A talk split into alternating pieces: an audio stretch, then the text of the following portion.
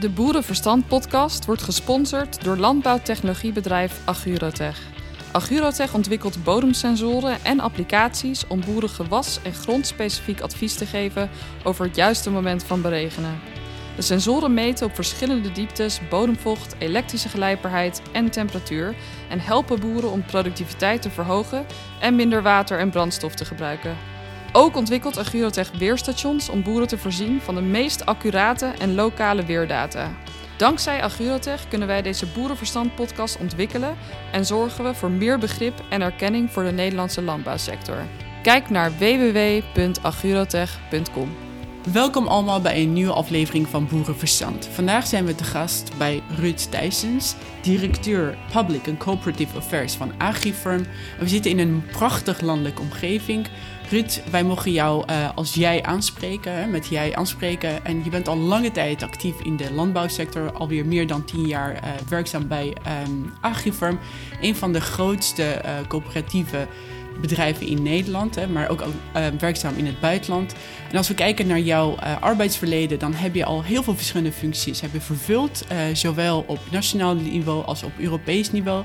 En als ik terugkijk, dan zie ik dat je aan de Technische Universiteit van Delft hebt gestudeerd. Dus de eerste vraag, wat is jouw affiniteit met de landbouwsector?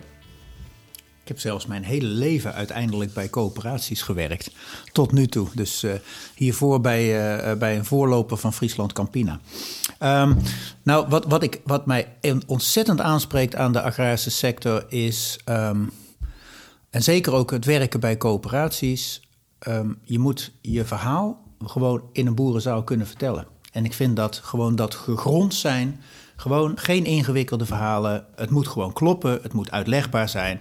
En iedereen moet het gewoon kunnen snappen. En dat vind ik zo geweldig. Dat, is, uh, dat vind ik echt dat ge geaard zijn. Dat vind ik echt geweldig aan de agrarische sector.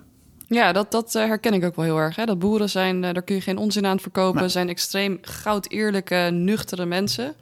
Is, heeft dat ook, uh, hoe zijn jullie daar als agrifirm, hoe gaan jullie daar als, daar als agrifirm mee om? Of hoe spelen jullie daarop in? Nou, kijk, wat ik ontzettend mooi vind, in mijn rol ben ik, mag ik mede helpen dat bijvoorbeeld het bestuur van de coöperatie en de coöperatie zeg maar functioneert. Dat is een van mijn rollen.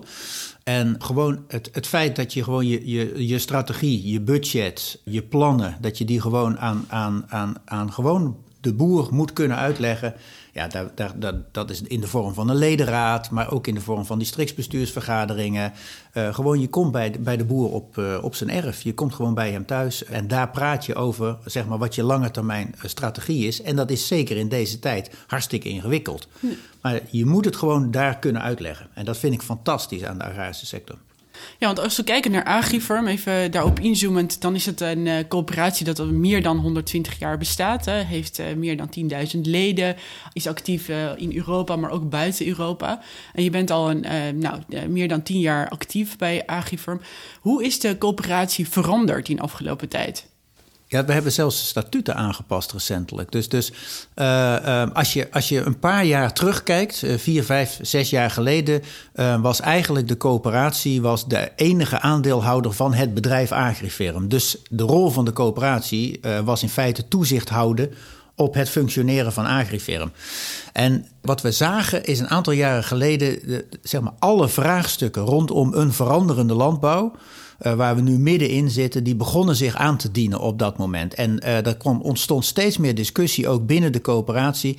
Moet die rol niet breder zijn? Heeft de coöperatie niet ook een rol om uiteindelijk na te denken over het maatschappelijk draagvlak en na te denken over wat is nou de kennis die je nodig hebt, wat is de visie die je nodig hebt om naar een toekomstig landbouwsysteem te komen uiteindelijk als boer en teler. En dat hebben we, die, deze twee punten, maatschappelijk draagvlak en het ontwikkelen van kennis en visie, is recentelijk ook echt in de statuten verankerd als opdracht van de coöperatie. Dus dat is echt een grote verandering ten opzichte van wat we zeg maar officieel uh, zeven jaar geleden waren. Kun je, kun je daar iets meer over uitleggen wat nou de missie is van zo'n coöperatie? Hoe, hoe verschilt dat bijvoorbeeld van een commercieel uh, bedrijf? Het boer en teler staan centraal. Dus mm -hmm. uiteindelijk is de continuïteit van boer en teler in Nederland, die zijn de eigenaar van de coöperatie, dat is, dat is waar het uiteindelijk in de coöperatie over gaat. En voor een privaat bedrijf is dat waarschijnlijk iets heel anders. Dus het bedrijf staat ten dienste aan die opdracht. Mm -hmm. nou, dat is fundamenteel anders. Je, bij al jouw denken staat in feite de toekomst van uh, boer en teler staat centraal. Ja, en jullie hebben wel een winstoogmerk, neem ik aan? Of, of wordt het dan terug... Uh... Ja, uh, we hebben natuurlijk een winstoogmerk, anders kun je jezelf niet financieren en, en, en noem maar op. Maar uh, wij delen 70, 80 procent van de winst wordt gewoon uitgekeerd in de vorm van ledenvoordeel of ledenkorting. Dus ja. in de afgelopen tien jaar hebben wij 120, 130 miljoen euro teruggegeven aan de boer. Mm -hmm. En, um, want je zegt dat uh, de boer en de teler staan centraal. Uh, we weten dat als je kijkt naar de, uh, naar de agrarische sector, dan is, kun je niet spreken over een boer of een teler. Er zijn grote verschillen. Wat is een typisch profiel van een coöperatielid? Ja, dat, dat, kijk, um, een, een, een, lid van de, is, een lid is lid van de coöperatie Allereerst gaat hem dat om, hij wil gewoon de goede producten en de goede diensten hebben tegen de juiste prijs-kwaliteitsverhouding. Dat, dat, is, dat, is, dat is één. Maar we hebben recentelijk wel onderzoek gedaan. En dan zie je dat er uh, twee belangrijke motivaties zijn. Uh, wa wat men van zijn coöperatie verwacht en waar je ook positief op beoordeeld wordt. En het eerste is uh, bijdragen aan het financiële resultaat van de boer. Nou, dat begint natuurlijk met, met de goede advies en de goede producten. Maar daar speelt dat teruggeven van die winst speelt ook een belangrijke rol daarin. Dat kan voor sommige boeren kan dat gewoon substantieel geld betekenen. dus dat is het eerste. En het tweede is kennis. Kennis, kennis, kennis. Dat is waar ze om vragen.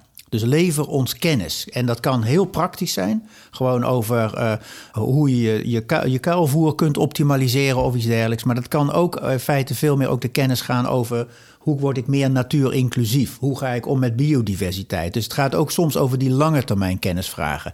Maar dat zijn de twee drivers. En jouw vraag, wie is er dan lid? Ja, eigenlijk is, is uh, wij hebben 10.000 leden.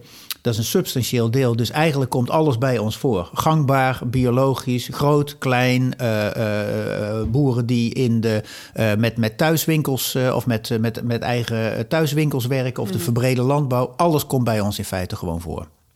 We zijn een dwarsdoorsnede van Nederland in dat opzicht. Van de Nederlandse boer en teler.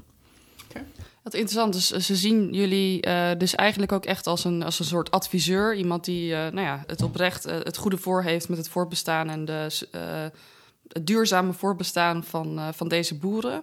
En ik kan me voorstellen, er is natuurlijk enorm veel boeren afgekomen afgelopen jaar. Komen ze dan ook naar jullie toe met, met, met vragen daarover of met advies? Ehm, merk, merken jullie dat aan jullie leden dat boeren echt op zoek zijn naar, naar houvast en steun daarin vanuit jullie? Ja, en uh, je, je, veralgemeniseerde het net wel heel erg. Dat ze zien jullie als adviseur. Dat is natuurlijk niet voor iedereen waar. Uh, mm -hmm. Ook daar hebben we onderzoek naar gedaan. Wij zien wel uh, dat er gewoon, er, er, zijn ook gewoon boeren die zeggen: joh, hou je gewoon bezig met, uh, met goede producten en diensten leveren en that's it. Ja. Uh, dus daar zit, daar zit spreiding in. Maar wij zien wel nadrukkelijk, en dat vinden we ook een, een, een belangrijke groep. Er zijn veel boeren bezig met te experimenteren en te kijken naar de toekomst. En ja, die komen wel degelijk op ons af. Uh, wij, wij, hebben webinars over bodembiologie gehouden. Ja, daar komen honderden boeren op af. En dat leidt dan weer tot een project met 35 boeren, waarin je heel specifiek verder gaat om te kijken. Dus boeren komen echt op dat soort vraagstukken, komen ze op ons af, ja. -hmm. Nou, je bent ook vanuit uw rol, uh, of je bent ook vanuit jouw rol heel erg bezig met die toekomst. Hè, en de meer toekomst bieden en boeren voorbereiden op alle veranderingen die op hen afkomt. En in een um, van, de, van programma's waar je had deelgenomen, zei met hoge productiviteit kom je er niet meer. Uh, dus even de exacte woorden erbij zoeken. Je zei um, met enkel een hoge productie ga je het niet redden. Dat, dan heeft u het over de agrariërs. Wat is er dan wel voor nodig om uiteindelijk um, toekomstperspectief te hebben? Ja. Ja, wat ik daar exact heb gezegd is, is het volgende. Ik heb daar eigenlijk twee dingen gezegd. En dan kom ik ook op jouw vraag. Ik heb daar gezegd: ja, wij zijn trots op waar de agrarische sector op dit moment staat. Wat er in de afgelopen jaren is bereikt ten aanzien van uh, productiviteitsverbetering, kostenreducties. Uh, uh, als je kijkt naar de gemiddelde opbrengsten per hectare in Nederland, die zijn krankzinnig hoog. En, en zo kan ik het ook het aantal zeg maar groot geworden biggen per zeug is ook in Nederland is enorm. Dus dat is één kant. En ook tegelijkertijd zie je ook dat er enorme stappen zijn gezet in die, in die periode, ook om bijvoorbeeld de milieu-impact van het werken, om dat te verlagen. Maar dat is niet voldoende. We leven in een hele complexe wereld. En die wereld om ons heen, die vindt iets van de moderne manier van landbouw bedrijven. En daar moet je op een of andere manier mee omgaan. Dat is wel het andere. Dus dat kun je als bedreigend ervaren. Maar ik zeg wel heel vaak, uh, als je in de spiegel kijkt uh, en durft in de spiegel te kijken, dan zie je dingen die je bevallen. Maar dan zie je soms ook dingen die je niet helemaal bevallen. En ik denk dat iedereen uiteindelijk zelf moet be bekijken in die spiegel uh, wat hij vindt. En wat, maar ik kan voor Agrifirm spreken. Als wij in de spiegel kijken, dan zeggen we oké. We zijn best trots op wat we doen, maar tegelijkertijd zien wij ook wel dat we ergens producten halen uit gebieden waar sprake is van grootschalige ontbossing. En dat, dat, dat voelt niet goed. En dan zeggen we, daar moeten we dus ook wel wat mee. Nou, dat is een van de redenen waarom wij een pilot doen met 100.000 ton uh, uh, gegarandeerd ontbossingsvrije soja uit Brazilië. Dus dat is wel het tweede wat ik wil zeggen. Je, je, het in de spiegel durven kijken en dan ook te handelen. Dat is wel heel concreet wat ook nodig is vanuit de agrarische sector. Dus wat moet een boer doen voor dat toekomstperspectief? Um, vakmanschap blijft wel topprioriteit. Um, Eén klein zij-uitstapje daar. De variatie in technische en economische uh, resultaten is nog steeds enorm op het boerenerf. Dus wij zeggen wel, vergeet niet dat vakmanschap topprioriteit blijft. En dat vakmanschap wordt alleen maar complexer. Uh, er komen sensor- en datasystemen. Uh, er komt steeds meer technologie op het boerenerf. Er komen steeds minder gewasbeschermingsmiddelen beschikbaar. We gaan steeds meer gebruik maken van wat is bodemgezondheid, wat is. Dus dat vakmanschap wordt nog veel, veel allesomvattender. Dus dat, dat is één. Dus, dus dat vakmanschap, maar ook dat verbrede vakmanschap is cruciaal. Maar het tweede is ook wel het verbeterd verdienmodel. Dat is ook een cruciale. Dat gaat, die wereld gaat ook veranderen. Dus wij verwachten zelf dat er veel meer ketens gaan ontstaan. Uh, dat er veel meer uh, coöperaties zullen gaan ontstaan die ergens een subsegment in de markt gaan bedienen.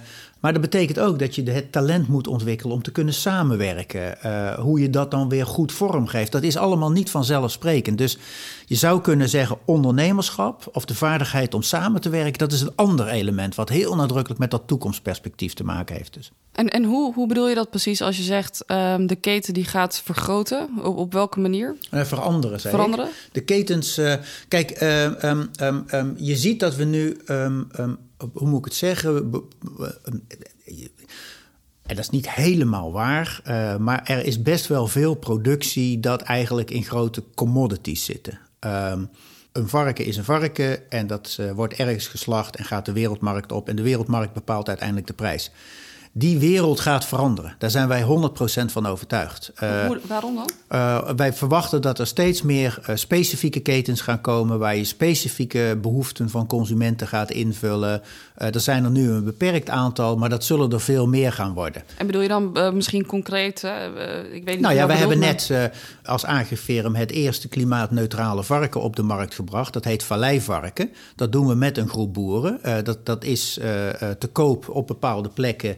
Uh, op dit moment in Nederland. Ja, dat is een compleet nieuwe ketensamenwerking met alles erop en eraan. Dus dat is inclusief de vermarkting, dat is inclusief ander voer, dat is inclusief alles wat erbij hoort. Ja, dat zijn nieuwe concepten en daar moet je wel in durven stappen op een gegeven moment als boer. Dat zijn wel keuzes die je maakt natuurlijk. Dus, dus als ik het goed begrijp, bedoel je, er komen verschillende segmenten van, van klanten die dus kunnen kiezen voor, voor een productie waar de hele keten uh, aan gestroomlijnd is eigenlijk om een bepaalde uh, behoefte te voorzien. Bijvoorbeeld, ik wil een, uh, een varken wat zonder dierenleed uh, is uh, geproduceerd. Ja, er komt, er steeds meer andere positioneringen. dit, dit, is, dit ging over klimaatneutraliteit en geen gebruik van soja en geen gebruik van palmproducten. dus alles wat niet met ontbossing te maken had, gebruik van meer bijproducten. Dat is een concept. Maar dat zat specifiek op dat domein van klimaat voor die consument die daarin geïnteresseerd is. Maar dat kunnen ook op dierenwelzijn, dat kunnen ook op smaak. Dus er gaan steeds meer ketens ontstaan. Maar dat vraagt iets van boeren. Dat vraagt iets van jezelf te kunnen organiseren in zo'n keten. Goede afspraken te maken, hoe je dat precies doet. Uh, daar is ook moed voor nodig op een gegeven moment. Dus dat, bedoel ik in feite. Dat, daar gaat de wereld gaat wel veranderen. Hmm. Als jij kijkt, als jij aardappel- of suikerbietenteler wordt ja, de, de teelten in Nederland gaan extensiveren. Dus dat betekent dat jij een minder deel van jouw inkomen kan gaan halen daaruit. Ja, dat betekent wel dat je dus een ander deel van je inkomen uit bijvoorbeeld eiwitteelten zult moeten gaan proberen te halen. Ook dat vraagt weer andere vaardigheden. Mm ik denk wat je beschrijft, dat uh, de complexiteit op het boerenerf dat dat uh, toeneemt. En dat boeren uh, niet alleen maar te maken hebben met hun land en het telen van gewassen daarop, maar dat ze ook steeds meer technologie moeten gebruiken om te kijken wat er daadwerkelijk gebeurt. En alles wat er op het land qua activiteiten plaatsvindt, of dat ook echt noodzakelijk is en bijdraagt aan bijvoorbeeld de kwaliteit van de productie. Dus dat vakmanschap is ook heel belangrijk. En als we vanuit dat perspectief kijken, dan kun je natuurlijk stellen dat de Nederlandse boeren vrij kundig zijn. Er is vaak is er heel veel kennis van generatie tot generatie overgedragen. En als we dan kijken ook in het bredere context, bijvoorbeeld voedselzekerheid of het produceren van voedsel van, voor de wereldbevolking, dan hebben Nederlandse boeren daar een, uh, spelen daar een belangrijke rol in. Als je kijkt naar de, de, hoe groot het land is en wat we produceren. Hoe zie je dat uh, met alle ontwikkelingen die er nu plaatsvinden en de druk die er ligt op de landbouwsector, het behouden van dat vakmanschap in Nederland? Hè, als we de landbouwsector misschien toch, als we kijken naar alle plannen, uh, op termijn lijkt kleiner te gaan worden. Want die kennis is er niet echt aanwezig, of die kennis is meer aanwezig in Nederland dan in andere landen. Hoe zal dat uh, zich uitspelen? Dat, uh, dat verdwijnen, zijn jullie daar, maken jullie daar zorgen om? Het vakmanschap dat dat nu niet meer zal blijven uh, ja, bestaan? Nou, kijk, op zich, uh, wij zien grote veranderingen, we zien grote bedreigingen. Misschien kunnen we het daar straks nog wel even over hebben als die veranderingen niet op de juiste manier worden begeleid. In zijn algemeenheid uh, zijn wij optimistisch. Kijk, wat ik daar straks beschreef, de, de agrarische, het, het boeren of het telen wordt ingewikkelder, maar ik bedoel, als je 30 jaar teruggaat en nu kijkt, dan is het ook al een enorme sprong. Dus eh, wij zijn optimistisch dat de agrarische sector in staat is om hiermee om te gaan. En ook wel omdat je vervolgens ziet dat de vraagstukken die hier spelen, die spelen natuurlijk uh, over een paar jaar ook ergens anders. Dus het leidt, aan de ene kant leidt het voor boeren en telers hier tot bepaalde vaardigheden en kennis die ze ontwikkelen. Tegelijkertijd leidt het ook tot nieuwe oplossingen die ook weer exportwaardig zijn. Ik bedoel, ons eigen bedrijf zit in China en heeft daar een toppositie vanwege het feit dat we daar producten leveren die helpen om de antibiotica gebruik te verminderen. Iets wat hier in Nederland al heel lang aan de orde is, maar daar nu enorm begint te spelen. Dus je ziet dat je die kennis en die producten ook heel goed daarmee kunt verwaarden. Dus wij zijn, wij zijn uh, optimistisch in die zin. Uh, er komt een nieuwe toekomst aan, die ziet er ook heel mooi uit. Dat zijn uh, mooie uitdagingen, maar je moet wel door deze fase heen. Mm -hmm. En daar zitten wel zorgen van als je te snel gaat als het allemaal te hard gaat, te, te weinig onderbouwd, ja, dan, dan kan er wel eens uh, heel veel schade ontstaan. Wij hebben natuurlijk afgelopen tijd ook veel met politici gesproken. Sommige die, uh, de, de, de, meningen van politici of de normen en waarden die ze hebben, die kunnen enorm uh, verschillen. een paar dingen die wel, die wel vaker terugkomen bij ons is Nederland is zo'n klein landje. We exporteren ook heel veel naar het buitenland. we zijn een van de meest dichtbevolkte landen in Europa. We hebben een uh, nou, tekort aan, aan grond eigenlijk. Onze waterkwaliteit, hoorden wij, is, uh, is heel slecht in Nederland. Um, er zijn veel mensen die eigenlijk niet eens zijn met de manier van landbouw. Uh, Natura 2000 gebieden zijn in gevaar. Nou, dit zijn alle argumenten die natuurlijk veel genoemd worden. Is er volgens jou plaats voor, voor de Nederlandse landbouwsector zoals die nu is? Voor zo'n grote sector eigenlijk in zo'n klein bedrukt landje? Wij realiseren ons dat er, dat er opgaven zijn. En die zijn tweeledig. Uh, dat zijn natuurlijk de, zeg maar de harde milieudoelen uh, die je aan de ene kant hebt... en ook het gevoel wat daarbij hoort. Dat zijn eigenlijk de twee uh, grote opgaven. Dus wij begrijpen dat die opgaven er zijn. Wat wij, en, en eigenlijk vragen die twee vraagstukken vragen eigenlijk om een ander antwoord. Dus het eerste is, wij zijn optimistisch over wat je met innovatie uh, kunt bereiken om aan je milieudoelen, om daar inhoud aan te geven. En uh, dat gaat ook tegelijkertijd gepaard met uh, ontwikkelingen in de markt, die daar ook voor een deel om vragen. Ik had het net over dat valleivarken, ja, daar zie je ook gewoon een marktvraag. Dus wij zijn daar optimistisch, daar zijn we absoluut niet aan het eind en daar kun je heel veel. Tegelijkertijd uh, zijn wij ons ook van bewust dat er een maatschappelijk sentiment is die er ook iets van vindt. En uh, ja, daar, daar zul je op een gegeven moment zul je daar weer de nieuwe balans met elkaar moeten zoeken. Dus en, dat, zo zitten wij eigenlijk in die discussie. En is AgriFirm nou een, uh, een partij die daar het voortouw in gaat nemen om dat vorm te geven? Of wachten jullie meer af wat de markt doet en waar de politieke beweging heen gaat? Nee, maar kijk, wij zien natuurlijk een bepaalde ontwikkeling. Dus wij zijn, wij zijn daar volop mee bezig. Dat is, uh, die heeft ook alles te maken. Kijk, je, je ziet, uh, dat is wel een gegeven. Je ziet dat de omvang uh, van de agrarische sector in de komende tijd onder druk zal staan. Dus daar moet je ook als bedrijf wat mee. En we zien ook dat de producten die we vandaag verkopen niet de producten zullen zijn die we over tien jaar verkopen. Dus wij zullen andere producten en diensten uh, nodig hebben. En die zijn we volop aan het ontwikkelen op dit moment. Kun je, kun, kun je, daar, kun je daar een paar voorbeelden van geven, van de dingen die jullie ontwikkelen? Ja, we zijn bijvoorbeeld, uh, we hebben een heel apart traject opgezet, dat heet de corridors. Dat zijn aparte innovatielijnen. Dus wij zijn bijvoorbeeld heel nadrukkelijk bezig met regeneratieve landbouw. Uh, kringlooplandbouw zou je het ook kunnen noemen. En daar zitten wij bijvoorbeeld te kijken naar de ontwikkeling van carbon credits. Dus kan een boer carbon credits gaan oogsten eigenlijk. Uh, uh, maar we doen ook binnen de coöperatieprojecten een project over agroforestry. Uh, daar zijn nu eerste boeren gaan aan het aanplanten.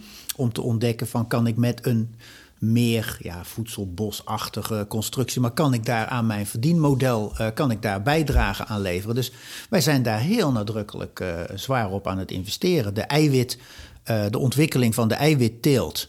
Wij zien dat dat is meer dan alleen maar een veldboom produceren. Daar komt ook een hele industrie achter weg. Om het uiteindelijk tot mooie producten te maken. Ja, daar zijn wij nadrukkelijk mee bezig op dit moment. Als ik naar veevoer kijk. Uh, wij denken dat je uiteindelijk een transitie krijgt naar grondstoffen die niet in concurrentie zijn met humane voedingsmiddelen. Dat betekent de tarwes en dat soort producten gaan er uiteindelijk uit. Wij zijn aan het investeren in uh, veel meer co-producten, voormalige voedingsmiddelen, zeg maar restvoedingsmiddelen, om die geschikt te maken uiteindelijk voor als veevoer. Dat wordt je nieuwe veevoer in feite. Dus wij zijn op al die domeinen zijn wij aan het investeren. Mm-hmm. Toch als je kijkt naar uh, de, de, het, ja, het beleid wat wordt geschreven door de politiek en de, uh, uh, de onderwerpen waar, waarop wordt ingezet, is toch de rol van eigenlijk technologie of middelen, innovaties, is nog heel erg achtergebleven op dit moment, vind ik. Het, het, is vaak over extensiveren of uh, stoppen, uitkopen, dat soort uh, maatregelen. Ben je het daarmee eens en, en, hoe komt dat eigenlijk? Ja en nee. Ik zie een kentering. Uh, dat er veel, zeker als je de brieven van de afgelopen tijd leest, die de, naar de Tweede Kamer zijn gestuurd, is er duidelijk een kentering aan de gang dat men de rol van innovatie belangrijker begint te vinden. Dat vind ik heel belangrijk. Um, wat, wat de, het sentiment rondom innovatie is volgens mij tweeledig, waardoor dit is ontstaan. Kijk, een, een, boer en een teler in Nederland die is in de afgelopen 30 jaar al heel vaak geconfronteerd geweest met, met aanvullende milieueisen, wat uiteindelijk hem tot maatregelen heeft gedwongen die hij heeft ingevoerd, die uiteindelijk geld kosten voor de lopende rekening. Wat was altijd het antwoord daarop? Er was eigenlijk maar één antwoord. En dat is schaalvergroting en efficiëntieverbetering. Als je hem even pakt, hè, dat is een extreem voorbeeld wat ik nu geef. Een ei, een doosje eieren van zes, uh, van drie stuks, uh, nee, van zes stuks, kostte in uh, 60 jaar geleden 3 euro. Dat kostte vorig jaar ook 3 euro. Dat had, als je inflatie had doorgerekend, had het 23 euro moeten kosten. Dus datzelfde doosje eieren verkopen we op dit moment voor ongeveer 17% van de prijs. Nou, hoe kan dat? Ja, dat is efficiëntieverbetering en schaalvergroting. Dat is het antwoord. En dat is, daar zit precies de crux van het verhaal. Al die maatschappelijke vraagstukken die zijn uiteindelijk afgewenteld op de boer. En de boer had eigenlijk economisch gezien maar één antwoord: efficiëntieverbetering en schaalvergroting. En dat is precies wat iedereen zei: ja, maar dat is de verkeerde weg. Dus dat moeten we niet meer hebben. En daar gaat hij wringen. Dus, uh, en dat is ook nog steeds wel mijn kritiek op wat er nu op dit moment wordt voorgesteld. Op precies op dit punt is nog steeds geen antwoord. Dus die, uh, technisch kan er heel veel. En dan zegt men extensivering. Maar extensivering betekent eigenlijk per hectare gewoon minder inkomen. En precies op dit punt en toen. Mm-hmm. En toen. Want anders weet ik het antwoord. Dat is schaalvergroting en, en, en technologie implementeren. Nou ja, en dat is precies prijzen. wat men niet wil. Ja, maar, ja, maar dan komt dus de overheid aan zet. Hmm. Dus uh, Ja. Maar, en, maar die, um, dat, het inzetten op die efficiëntie en schaalvergroting, dat komt onder andere ook uh, omdat er op een gegeven moment, hè, na de, uh, geloof ik, Tweede Wereldoorlog, zeiden we, nou, we willen niet meer te maken hebben met uh, dat er voedseltekort is. Dus voedselzekerheid was een belangrijk drijfveer eigenlijk om um, zoveel te gaan produceren dat we niet meer ehm, ja, daarmee te maken zouden hebben. Hoe kijk je dan daar naar? Is dat een vraagstuk voedselzekerheid wat uh, op een gegeven moment weer zich zal, uh, weer zal spelen als we meer de kant op van de extensivering kiezen, bijvoorbeeld? Nee, kijk, ik, ik, ben daar, ik ben over het onderwerp voedselzekerheid op mondiaal niveau. Is natuurlijk wat hier in Nederland gebeurt, is van minimale impact. Ik bedoel, uh, ik geloof dat 2% van de wereldwijde aardappelproductie in Nederland plaatsvindt. Je moet over dat soort getallen praten. De tweede uh, belangrijke trend is natuurlijk, er is een transitie gaan naar minder dierlijke eiwitten en meer humane eiwitten. Dus uh, uh, het, zeg maar, de hoeveelheid land die je uiteindelijk nodig hebt om Nederland te voeden, dit, zal ook, dit zal relatief omlaag gaan, alhoewel onze bevolking nog steeds groeit. Um, in de hele discussie, um, als je het over Nederland hebt, daar speelt wel, vind ik, een belangrijk aspect een rol op dit moment hebben wij om Nederland te voeden, hebben wij 4 miljoen hectare landbouwgrond nodig. We hebben maar 2 miljoen. Dus er wordt wel heel vaak gesproken in termen van wij zijn een exporterend land. Ja, dat is waar voor dingen waar wij heel goed in zijn. Maar dat is niet waar voor de ananassen en voor de sinaasappels, et cetera. Die importeren wij, of de advocado's. Dus, dus dat is vaak waar je ziet dat het frame fout gaat. Dus ik vind wel dat wij uh, los even van, zeg maar, praten in termen van voedselzekerheid... ook iets hebben van een morele verplichting om na te denken hoe voeden we op een duurzame wijze onszelf. Want we doen dat op dit moment door heel veel landbouwgrond in het buitenland te gebruiken. Mhm. Dus daar dus daar ergens voel je wel, deze discussie gaat daar een keer schuren. Maar wij exporteren wel veel meer dan importeren, toch? Nee, wij, eh, wij gebruiken 4 miljoen hectare uiteindelijk om onszelf te voeden. En we hebben twee, ongeveer 1,8 miljoen hectare landbouwgrond in Nederland beschikbaar.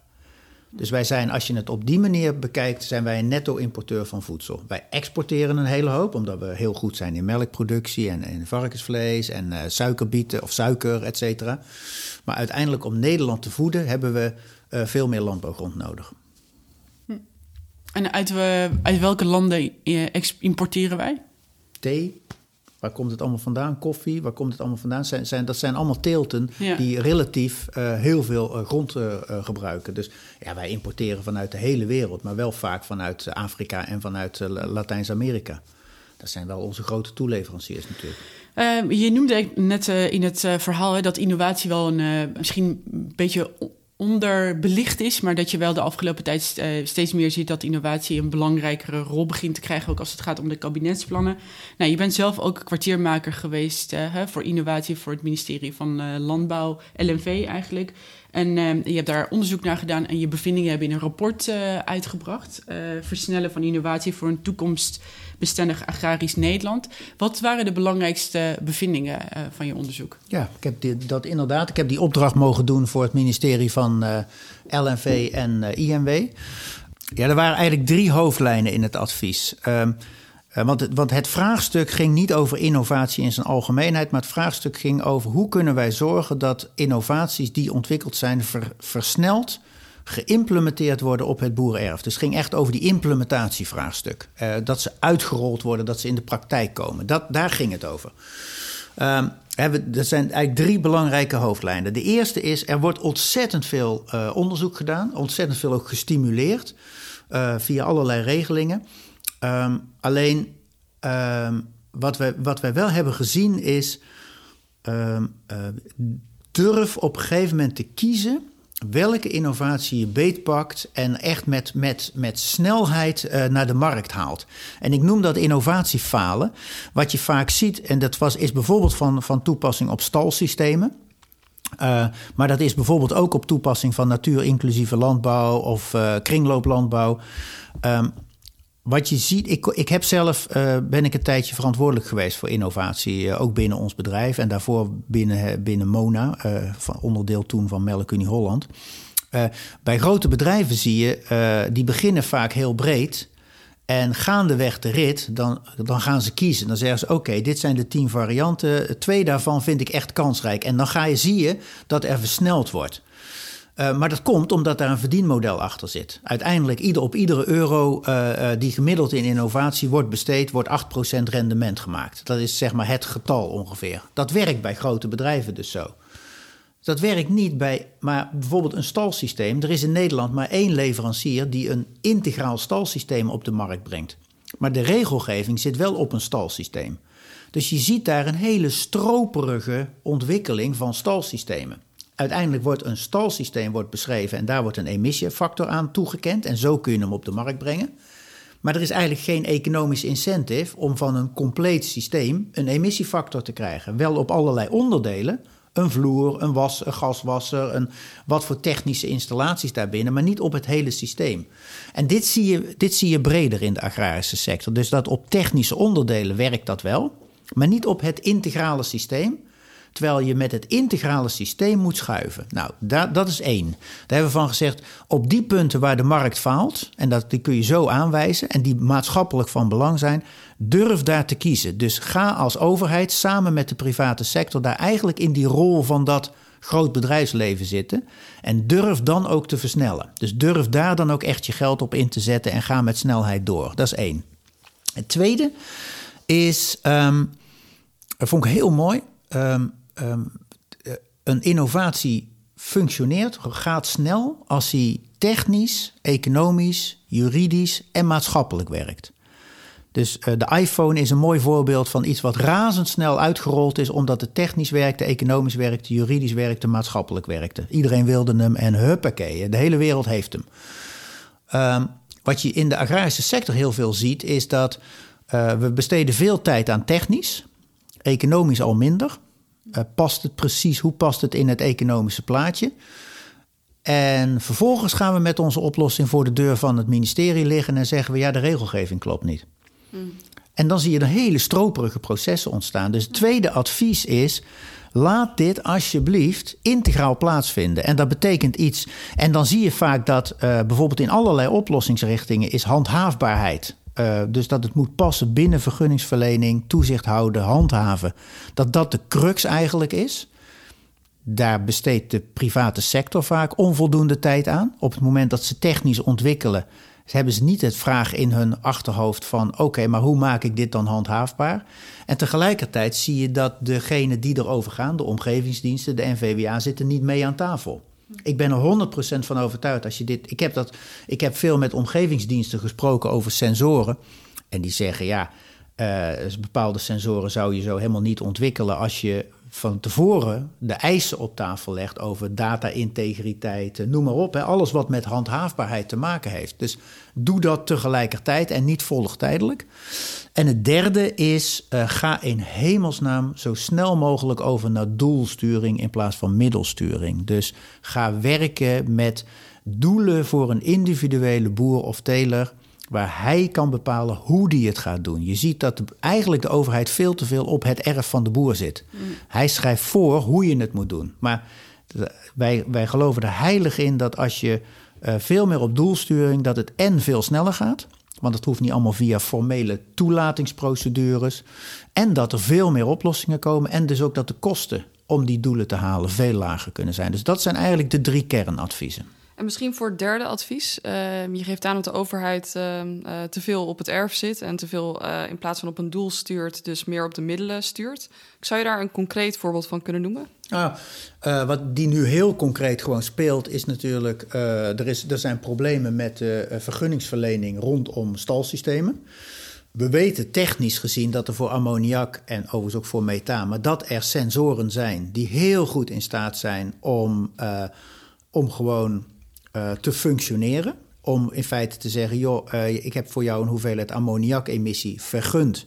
En dat bewijs je via een sensor- en datasysteem. Dat die systemen zijn er.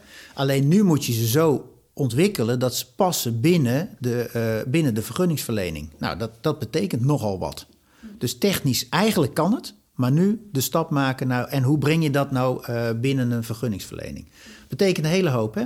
De vergunningsverlener uh, die krijgt een aanvraag. Die moet wel het gevoel hebben dat als hij dat gaat vergunnen, dat het ook echt waar is.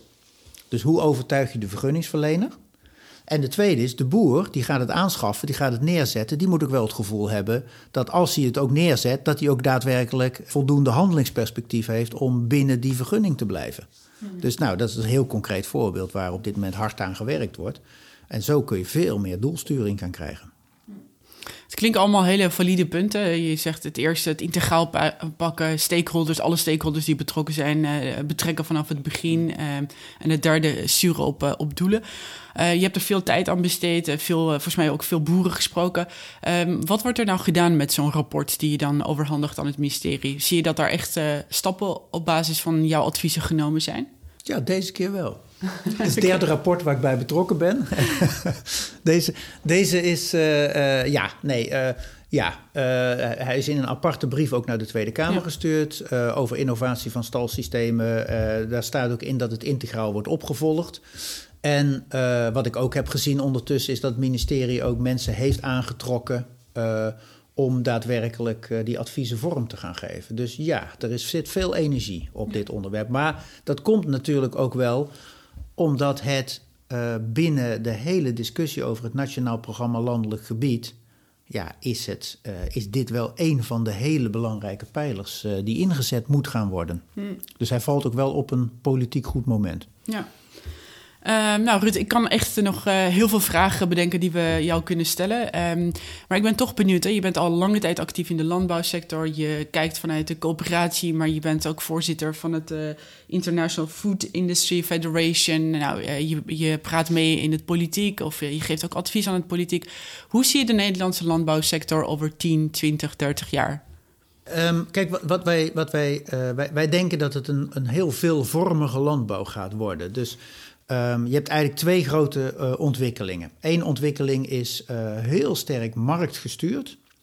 Uh, dus dus de ontwikkeling naar meer biologisch, de ontwikkeling naar meer kringlooplandbouw, de ontwikkeling naar meer natuurinclusieve landbouw. dus, dus wij zien dat heel nadrukkelijk als een, als een belangrijke ontwikkeling.